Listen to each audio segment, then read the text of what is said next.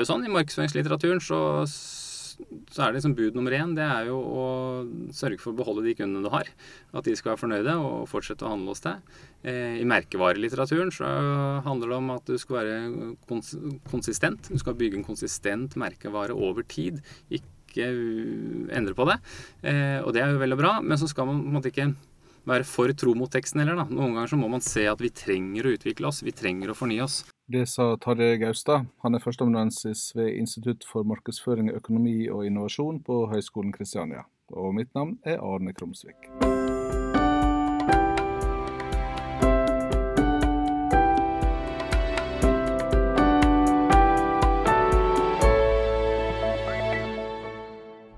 Da jeg var student, så syntes jeg forbrukeraffære var det mest spennende faget. Og nettopp det at eh, psykologien er spennende, men også det tverrfaglige. Det er så mange forskjellige innfallsvinkler på å forstå, eh, forstå oss selv som forbrukere. Hvorfor vi tar de valgene vi tar, hva, hva, vi blir påvirket av. Så Det kan være fra psykologi, men det kan være fra, man kan se på det med antropologisk perspektiv. Man kan se på det ut fra eh, sosiologien, ut fra økonomisk perspektiv. Så, så det er på en måte et fag som som er spennende fordi eh, vi bruker så, kan ha så mange forskjellige innfallsvinkler da, på å forstå. Eh, og det på en måte slår meg egentlig gang etter gang hvor, eh, hvor sterk kraft merkevarer har. Eh, merkevarer er på en måte bærere av symbolsk mening. Eh, de valgene vi tar som forbrukere, de merkevarene vi velger, og kanskje like mye de merkevarene vi bevisst ikke velger og unngår å bruke. Eh, alt det sender noen signaler. Da. Sender noen signaler til omgivelsene om hvem vi er, eh, hva vi er opptatt av, hvilke verdier vi står for, hvem vi sympatiserer med, hvem vi ikke sympatiserer med. Og det sender også noen signaler til oss selv og er med på å bekrefte vår identitet og, og, og selvbilde. Eh, så den eh, symbolikken og den kraften som ligger i merkevarer for, eh, på individnivå, syns jeg er spennende, og ikke minst selvfølgelig for bedrifter. Før jeg begynte å jobbe med doktorgraden min og begynte inn i økonomia, så jobbet jeg i et uh, strategirådgivningsselskap og jobbet veldig mye med å utvikle merkevarer. og det å jobbe systematisk med det, finne en eh, interessant posisjon i markedet, jobbe med hvordan du skal realisere og ta den, eh, er spennende, interessant og selvfølgelig har masse verdi for bedrifter. Så, så jeg syns jo merkevarer og forbrukeratferden er spennende på, av mange årsaker, da. Eh, og derfor så bruker jeg mye tid på det. Eh, og så er det sånn at uh, i den litteraturen, forskningslitteraturen på, uh, på merkevarer, på individnivå, forstå forbrukeratferden ut fra det, så, så um, det er det forsket mye på, selvfølgelig. Eh, men veldig mye av det som går på eh, som vi kaller på self-brand connection, eller merketilknytning, eh, som handler om det at individer bruker merkevarer for å si, konstruere sitt selvbilde, for å fortelle noe om seg selv til seg selv og omgivelsene. Eh, det er på en måte et område jeg har sett mye på. Man ser at eh, barn Man har sett at det foregår på alle stadier i livet, for å si det sånn. Allerede, Det er vel gjort noen studier blant åtteåringer f.eks. som blir bedt om å beskrive seg selv og lage en kollasj av seg selv. Eh, og får masse magasiner og, og, som de kan klippe ut ord og bilder og alt mulig. Og så ender det opp med at alle sammen bruker mange merkevarer på å definere hvem er jeg. Så, eh, og så er det da sett på mye hvilke konsekvenser har det for bedrifter. Det at forbrukere en måte, bruker en merkevare som en identitetsmarkør. Eh, og det har positive effekter for bedrifter, selvfølgelig. For det første så er det det at man eh, konkurrerer da ikke mer bare på det funksjonelle, ikke bare på hva produkten eller tjenesten faktisk gjør, men man konkurrerer mer på identitetsnivå. da. Hvis du først klarer å få til en sånn identitetskobling, så klart, da har du et ordentlig konkurransefortrinn. Da, da, kan du oppnå mye sterkere lojalitet. Eh, folk kommer tilbake og kjøper produktene dine. Er der med en gang du kommer med en ny, eh, ny lansering f.eks. Du kan oppnå mye høyere grad av betalingsvillighet. Du kan oppnå folk prater mer positivt om det, at du får merkeambassadører. Eh, og det kan også være med å på en måte, være en sånn buffer eller hjelpe deg hvis du skulle havne i litt eh, dårlig vær, da, få litt negativ medieomtale eller det skjer noe, har noe problemer med produktene dine og sånn. Så der er det gjort mye forskning. Og, så jeg har vært litt interessert i å se og egentlig prøve å vri litt på det. Ja, visst er det masse for bedriften av positive effekter av å ha en sånn sterk symbolsk merkevare som har mye identitetbærende i seg. Selvfølgelig er det mye positivt med det, men, men eh, få ting her i livet er liksom helt rosenrødt. Det, det må finnes noen eh, områder hvor det også kan måte, slå litt tilbake for bedriften. Så det er det jeg har prøvd å, å grave litt i, litt i med, med, en del av forskningsprosjektene mine. Um, og det jeg har sett på, er at eh, det å, drive med sånn identity-markedsføring eh, kan også noen ganger være begrensende for bedriften at ved å ha en veldig sterk symbolikk i merkevaren din, så kan det også sette noen rammer for hvordan du kan utvikle den. Eh, I hvert fall så risikerer du å få ganske mye støy da, og bråk fra de veldig lojale og ivrige eh, tilhengerne dine hvis du beveger deg for langt utenfor den identiteten du har i utgangspunktet. Så, så, det som jeg har sett på i noen prosjekter, er da endringer i eh, merkevareidentiteten. Eh, når en merkevare eh, bevisst eller ubevisst, eh, om det er en strategi eller ikke. Jeg har sett egentlig mest på når det faktisk er en strategi. At bedriftseiere eller merkeeiere bevisst velger å eh, gjøre endringer i merkevaren sin. Hvordan forbruker responderer på det.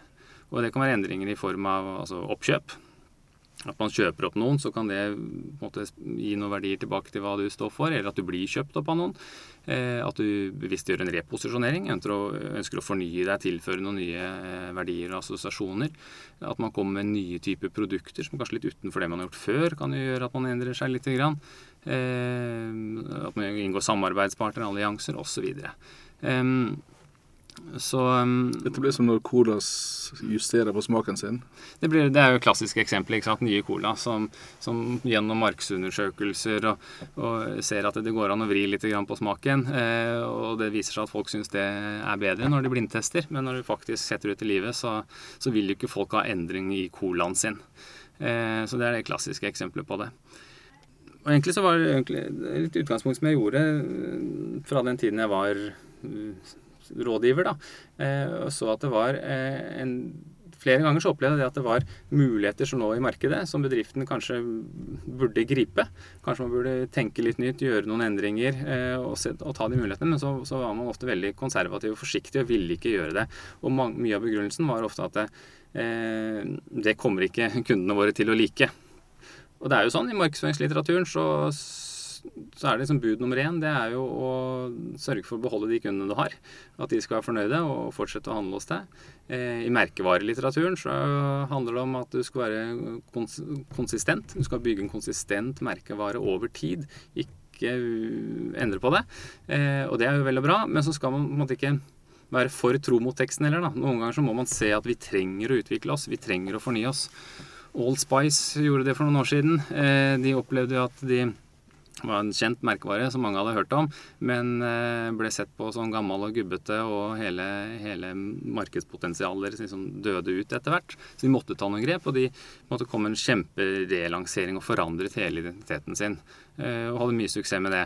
Eh, Porsche gjorde også noe lignende med Cayenne. De lanserte SUV-en sin, da, Cayenne. så så var det fordi de så at her er det en kjempeutvikling, marked for en SUV, og Porsche kan ta det potensialet veldig godt. Men, men, og det har de lykkes veldig godt med. Eh, og solgt masse Cayenner og nådd, nådd helt masse nye markedssegmenter. Men de, si, de hardcore, lojale Porsche-fansene, de hatet jo Cayenne og gjør det fortsatt. Det blir sett på som noe som ikke er Det er ikke en ekte Porsche. De sier det, er, det er en SUV for soccer moms. Nå kan liksom eh, mødre kjøre rundt på fotballtrening og plukke opp barna på skolen og sånn i en Porsche, og det er jo ikke Porsche. Det ødelegger på en måte hele merkevaren, mener de. da, Så det har vært masse eh, vært masse diskusjoner, masse forumer hvor man sånn tar helt av på dette her. og de eh, Porsche-sjåfører blinker gjerne med lysene når de møter hverandre på veien, men de blinker ikke med lysene til en Cayenne, altså, for det, det er noe annet. Um, så, så, det er inn i det, um, inn i det å endre merkevaren som jeg har prøvd å, å, å studere. Um, vi har sett på rett og slett da forbrukerresponser, uh, hvordan forbrukere reagerer på, på at bedriftene endrer uh, noe av identiteten sin. Forklar litt om hvordan du går fram når du gjør en slik studie. Ja, de studiene vi har gjort her, Det meste av det som jeg gjør av forskning nå for tiden, det er jeg jobber med eksperimenter. Uh, da, og da blir det gjerne scenariobasert. da. Så, så vi lager scenarioer som beskriver eh, i dette tilfellet eh, så har vi lagd altså nyhetssaker da, som beskriver f.eks. et oppkjøp eh, av Eller eh, at Nike har bestemt seg for å gjøre en viss form for reposisjonering. At de kanskje ønsker å løfte litt hva, hva Nike står for. At det skal være ikke for mye gate, men litt mer sofistikert og ta det litt opp den veien. Så, eh, så da kan vi lage en nyhetssak om det. Eh, også eh, som noen i eksperimentet vårt får. Men så lager en annen nyhetssak som handler om kanskje beskrive en tilsvarende scenario nyhetssak, men hvor du ikke har den samme type endring i identiteten. da. Og så måler vi rett og slett hvordan forbruker responderer, hvordan de reagerer på det. Eh, og det som vi ser, eh, er jo da at vi, altså de som virkelig da liker merkevaren, identifiserer seg med den, eh, liker jo selvfølgelig ikke når den endrer seg. Så når identiteten på en eller annen måte endres, selv om det på en måte er i god mening fra, fra merkeeieren, og man, det er pga. at det handler om å utvikle merkevaren og følge med i tiden og se på nye markedsmuligheter og sånn, så liker jo ikke de, de som virkelig eh, er fansene til merkevaren, eh, de liker jo ikke den type endringer. Så, så, for bedrifter så er det da ofte en trade-off da, mellom de eksisterende kundene, som vi jo alltid har lært at vi skal prioritere, men noen ganger så må vi også ofre dem litt og tåle litt støy for å se på si, ta de nye markedsmulighetene som måtte være der. Eh, så veldig ofte blir det sånne scenarioer. Noen ganger så får vi til å gjøre det litt mer Eh, altså gjøre mer feltstudier da, og se på faktiske ting som skjer i markedet. Men når man jobber med eksperimenter og er opptatt av liksom å virkelig få eh, pinpointa, virkelig få se kausaliteten, så, så, må man ha det ganske kontrollert. Eh, og ha kontroll på, på, alle tingene som skjer, og alt som kan påvirke. Men eh, i et eh, prosjekt som, eh, som, jeg holder på med nå, som er en sånn review-prosess, så brukte vi f.eks. navneendringen her på skolen eh, for å få en sånn realistisk setting. Så eh, da visste vi at det var ting på gang. Jeg eh, jobbet da det som var Markedshøgskolen, eh, og visste at det kom til å komme en sammenslåing og en felles ny merkevare. Så i god tid før den beslutningen var tatt, og før det var kommunisert, så gjorde jeg målinger blant studentene på Markedshøgskolen. da. Og rett og slett målte da i hvilken grad de følte at den markedshøyskolen var en del av identiteten. At det fortalte noe om, den, om hvem de var, til omgivelsene. Og klart, Utdanning det er jo viktig for hvem man er. Eh, hvordan man ser på seg selv, og hvordan andre ser på deg selv. Og hvor du tar utdanning er sånn sett også viktig for, for identiteten. Så jeg målte det i god tid i forveien. Og så, så kom jo nyheten da, om at nå skulle Helsehøgskolen Helsehøyskolen og, og Kreativhøyskolen og, og Markedshøgskolen eh, bli én felles skole under Høgskolen Kristiania, og vi fikk en flott logo. Eh, og så eh, arrangerte da et informasjonsmøte med de samme studentene som jeg hadde hatt eh, tidligere. Fikk med meg daværende instituttleder på vårt institutt, Lars Erling Olsen, og gjorde det litt formelt. når han fortalte da om disse endringene, og at vi ønsket å få litt feedback. Så da benyttet vi anledningen å gjøre en ny måling. Eh, på responsen og hva de syns om dette her. Da.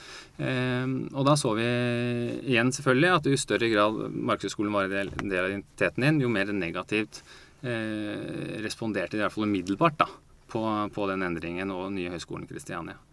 Men det som også jeg syns var interessant, da, var jo også at det, det var ikke bare det at det, det hadde også noe å si hva slags kobling de følte til den opprinnelige merkevaren, da, Markedshøgskolen.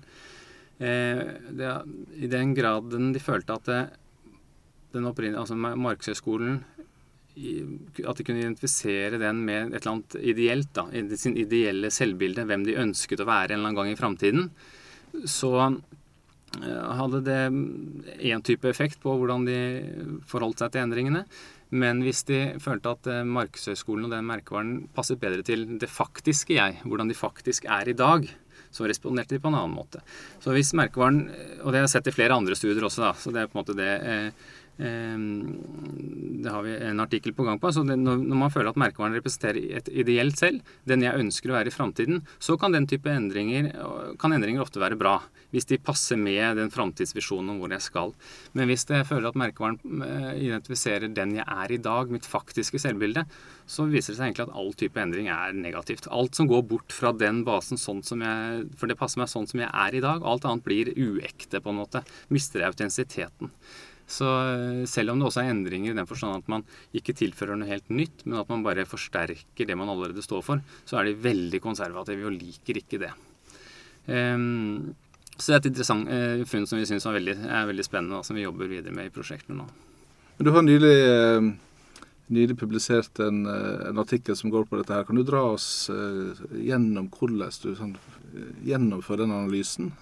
I den artikkelen som vi har publisert, så har vi gjort flere studier i og for seg som bygger på hverandre. Det gjør vi som regel når vi jobber med eksperimenter. Så, vi, så gjør vi på en måte små studier som, som eh, til sammen skal på en måte gi oss en eh, god forståelse for fenomenet, og i tillit til de funnene vi gjør, da, at vi repliserer det, at vi ser det fra forskjellige vinkler. Men sånn gjennomgående måten vi har bygd opp disse her på, så, så, så er det egentlig spørreskjema. Eh, så for de som deltar i undersøkelsen, så ser det egentlig ut som en helt vanlig spørreskjemaundersøkelse. Eh, og så gjør vi da noen, I starten av skjemaet gjør vi noen eh, målinger på kjennskap til forskjellige merkevarer, holdninger til dem, og i hvilken grad de føler at disse merkevarene passer til deres identitet, sier noe om hvem de er. Og det gjør vi gjerne da for både den spesifikke merkevaren som vi har valgt for dette studiet, men også for en del andre, for å liksom ja, skal si, skjule litt grann agendaen, og for å liksom sette dem litt inn i, i hele den merkevareverdenen. Og så gjør vi gjerne eh, som vi sier, bruker med engelske ord innimellom her, filler tasks. altså De får noen sånne oppgaver som handler om noe helt annet. Det kan være en annen spørreundersøkelse som noen andre kolleger av oss driver med, eller det kan være noen puslespilloppgaver bruker vi av og til, eller fullføre noen ordrekker. altså Ting for at de skal liksom bli satt litt i et annet modus. Eh, og så, så, gir vi dem da det som er liksom kjernen i eksperimentet vårt, manipulasjonen. Eh, så det er det som på en måte virkelig skal eh, Der vi prøver å få fram det vi ønsker å undersøke, og, vi, eh, og vi, hvor vi varierer det mot, mellom de forskjellige delta, deltakerne i studien. Så ofte så deler vi de to. Halvparten får én type eh, manipulasjon, de andre får en annen type. Og i disse studiene så brukte vi da rett og slett avisartikler. Så vi triksa og miksa og photoshoppa litt og lagde fiktive nyhetsartikler. Fikk det til å se så ekte ut som vi klarte. Fake news, altså? Fake news, rett og slett. ja. Eh, og så sørger vi for at de artiklene er i utgangspunktet helt like. Og det eneste som er forskjellen mellom dem, er da det vi ønsker å studere. Og i dette tilfellet var da eh, det f.eks. en eh, endring som Starbucks skulle gjennomgå i forhold til å gjøre eh, noen modifikasjoner på konseptet sitt. Og I det ene tilfellet så handlet det om å uh, gjøre noen enkle endringer uh, i forhold til uh, kaffesjappene sine, men uten at de endret liksom, identiteten om hva Starbucks står for. De gjorde noen små justeringer. Mens den andre så gjør de samme type justeringer, men sier også at dette her kommer til å gjøre litt at vi skal treffe litt nye målgrupper. At vi skal tiltrekke oss, bli litt mer sånn wholesome, som de sier på amerikansk. Altså litt mer eh, familievennlig og eh, down to earth på en eller annen måte, da. Eh, jordnær, det heter det på norsk. Eh, så som, som, vi da hadde undersøkt på forhånd, at det er noe som det medførte en litt endring i identiteten til Starbucks. Men ellers er artiklene helt like. Eh, og etterpå så spør vi da folk enkelt og greit om ok, hva, hva syns du om dette her. Eh, les den nyhetsartikkelen, høres det ålreit ut? Eh, eh, hvordan vil du respondere på altså Hva vil din tilbakemelding til Starbucks være, rett og slett. Og så ser vi analysene da om det er noen forskjeller mellom gruppene, avhengig av hvilken, sånn, hvilken nyhetsartikkel de har lest. Om den medfører det noen endringer i identiteten til Starbucks eller ikke. Um, så, så, det er på en måte egentlig ganske enkelt og grunnleggende sett så er det ganske enkelt setup. da. Eh, det som er viktig, er at vi må være veldig påpasselige med at av de som deltar i undersøkelsen vår, så må det være helt tilfeldig om du har fått den ene artikkelen eller det andre. At det ikke er noen systematiske forskjeller på det. For hvis det er, hvis det, er det, hvis vi går inn til eh, førsteklassen på eh, markedsføringsstudiet her på bacheloren og spør om den ene, og de får, får den ene artikkelen. Og så går vi inn til førsteklassen på musikkdesignstudiet eller noe sånt og gir dem den andre artikkelen. Og så finner vi forskjeller, så, så, kan vi, så, kan vi, ikke være sikre på hva skyldes de forskjellene. Skyldes det faktisk da manipulasjonen, disse artiklene våre, eller skyldes det at de som deltok, var forskjellige i de forskjellige gruppene. Så det er liksom det kritiske punktet. Randomisering, tilfeldig tildeling eh, mellom deltakerne, det er det som gjør at vi etterpå kan si noe om årsak-virkning her. Og hva kom dere fram til? Ja, Da kom vi fram til at eh, Som Sånn var hypotesen vår òg. At, eh, at, de som føler at Starbucks er viktig, altså representerer noe ved deres identitet, de liker jo ikke at den endrer seg. Eh, selv om endringene i seg selv kanskje er positive, at de er eh, fremstilt som en bra, sunn utvikling av merkevaren, av konseptet, eh, så, så, liker de ikke endring. De mest lojale kundene, de som de mest lojale kundene er konservative. De liker sånn som det er i dag, i hvert fall her og nå, og vil ikke at vi skal drive flikke på og endre på ting. Ehm, det kommer vi fram til. Betyr det at for, for, et foretak som har en suksessfull merkevare, så kan det være like fornuftig å utvikle en ny merkevare, altså ha en portefølje av, av merkevarer? Ja, helt klart. Så, men det er jo selvfølgelig en balanse på det òg, for det koster jo penger. så det er en investering. Men, men men det kan være helt klart lurt å, å, ha en portefølje av merkevarer som du retter inn mot forskjellige målgrupper, som, og utvikler på forskjellige måter for å treffe. Men, men samtidig så er det jo altså, På en måte så sier jo funnene våre at uh, man bør uh, bare holde ting konstant, ikke endre på noen ting. Og det er jo litt av kjernen i merkevarebyggingsteorien også. Uh, bygg en, en sterk merkevare over tid kontinuerlig, ikke gjør noen store endringer. På en annen side så Det funker på kort sikt, men på lengre sikt så, så tror jeg ikke det er så lurt. Fordi eh, selv om forbrukere sånn i utgangspunktet kanskje er konservative, så utvikler markedene seg. Konkurrentene finner på nye ting. Eh, teknologien skaper nye muligheter. Og plutselig så plutselig så forsvinner de som likte deg sånn som du var. Plutselig så dør de ut. Uh, altså, uh, så, så, det er på en måte en balansegang mellom det å, å bygge en sterk markvare kontinuerlig over tid uh, versus det å følge med på utviklingen. Jeg har kalt det for lojalitetsfellen. Må unngå å gå i lojalitetsfellen og bare tenke på dine lojale kunder, at de vil ha det sånn som det er i dag. Du må noen ganger også bryte litt med markedsføringsteorien og faktisk eh, gjøre ting som de lojale kundene dine egentlig ikke er så glad for. Så kan det hende at de faktisk liker det da, når det kommer til stykket. Når de faktisk, endringene er implementert og de ser hva, hva, faktisk, eh, hva det faktisk medfører. Er det mulig å, bygge innovasjon som en sånn merkevareidentitet? At den, eh, at den på en måte forventer endring? Ja, det kan jo det kan jo hende. At det i seg selv kan, um, kan være en god posisjon, og at du kan liksom at du, Det handler om for de som ønsker å ha det nye for å følge med tiden. Og være, ja, det, det kan jo være en idé. Absolutt. Um, det kommer litt inn på et område som vi har toucha så vidt på, men eh, som har lyst til å studere mer i framtiden. Og det er rett og slett å se på altså det man det kan få merkeassosiasjoner. Altså hva merkevaren står for, og hva vi bygger identiteten rundt. Om det er innovasjon, eller om det er, eh, eller om det er andre ting. Eh, det kan jo hende at det er noen typer merkeassosiasjoner, egenskaper, som har et sånt optimalt punkt hvor, eh, og som hvor det på en måte passe grad av røffhet og tøffhet akkurat der på det nivået passer for meg. Passe grad av luksuriøst er akkurat det det passer for meg. Og så har det sånn, et, et, et, ideelt punkt. Men så kan det være at andre assosiasjoner, andre egenskaper merken eh, ikke har et idealpunkt, men at mer alltid er bedre. Og kanskje er innovasjonsevne kanskje alltid mer er bra. Kanskje Kanskje er det kreativitet, eller altså, At det er forskjell på merkeassosiasjoner. da. Eh, så det er faktisk et område som vi har lyst til å gå litt inn på inn i framtiden.